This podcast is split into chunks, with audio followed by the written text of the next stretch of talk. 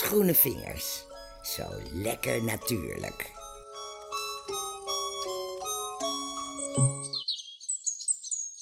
Wie wilde nou niet een supergezonde groente die het uitstekend doet in de halfschaduw, geen onderhoud en verzorging vraagt en vrijwel het hele jaar kan worden geoogst? Maar de halve wereld slaat op tilt als je het over zevenblad hebt. Dan gaat het toch over hebben.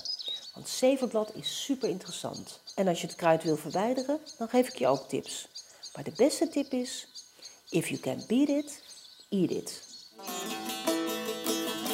Waar zevenblad oorspronkelijk vandaan komt is onduidelijk, maar het komt van nature voor op het noordelijk halfrond, in Europa, Rusland en een groot deel van Turkije. Volgens overleveringen hebben de Romeinen zevenblad in onze contraien geïntroduceerd als groente voor de strijders. Ze zaaiden het langs hun wegen voor voedsel en als middel tegen scheurbuik, vanwege het hoge gehalte aan vitamine C.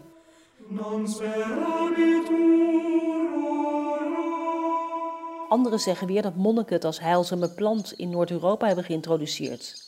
Het is natuurlijk een gezonde plant. Het wordt wel armeluispinazie genoemd.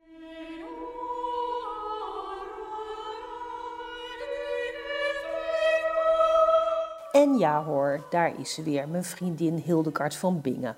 Zij vond het een levenskrachtschenkende plant en ze noemden het Grunkraft, Vinditas. Dat is levenskracht, als middel tegen maagaandoeningen en jicht.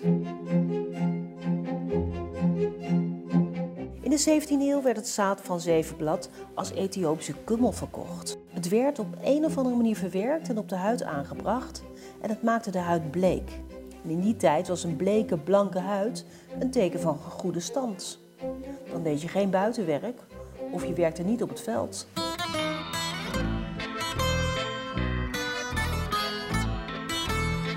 Sint Seraphim was een merkwaardige Rus. Hij heeft zeker 80 wonderen verricht. Hij leefde in de 18e eeuw en de goede man heeft drie jaar lang, is dus duizend nachten, op een steen zitten bidden. En hij had alleen maar zevenblad. Nou, nou jij weer.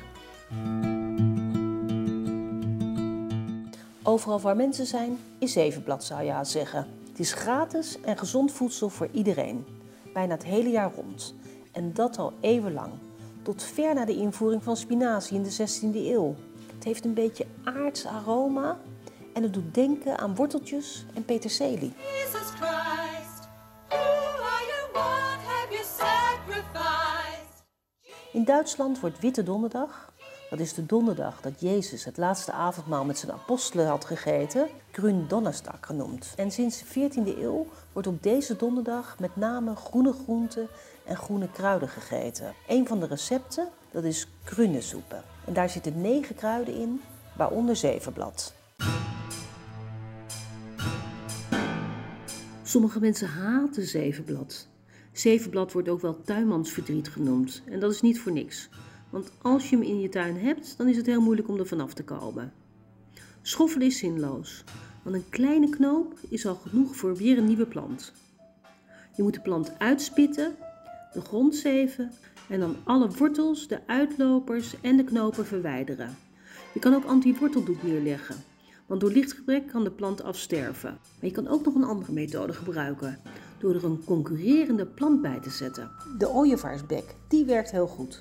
Ba-dia, rum bum. Het jonge blad kun je tot de bloei plukken en gebruiken als spinazie. Maar het is ook lekker in smoothies en in soep. Je kunt zevenblad ook drogen en dan smaakt het een beetje naar peterselie. Na de bloei heeft het een scherpere smaak en werkt het laxerend. De bloemen, die zijn ook eetbaar en die kun je gebruiken om wat meer aroma te geven aan bijvoorbeeld azijn. Nou, zet hem op zevenblad. Tot de volgende keer.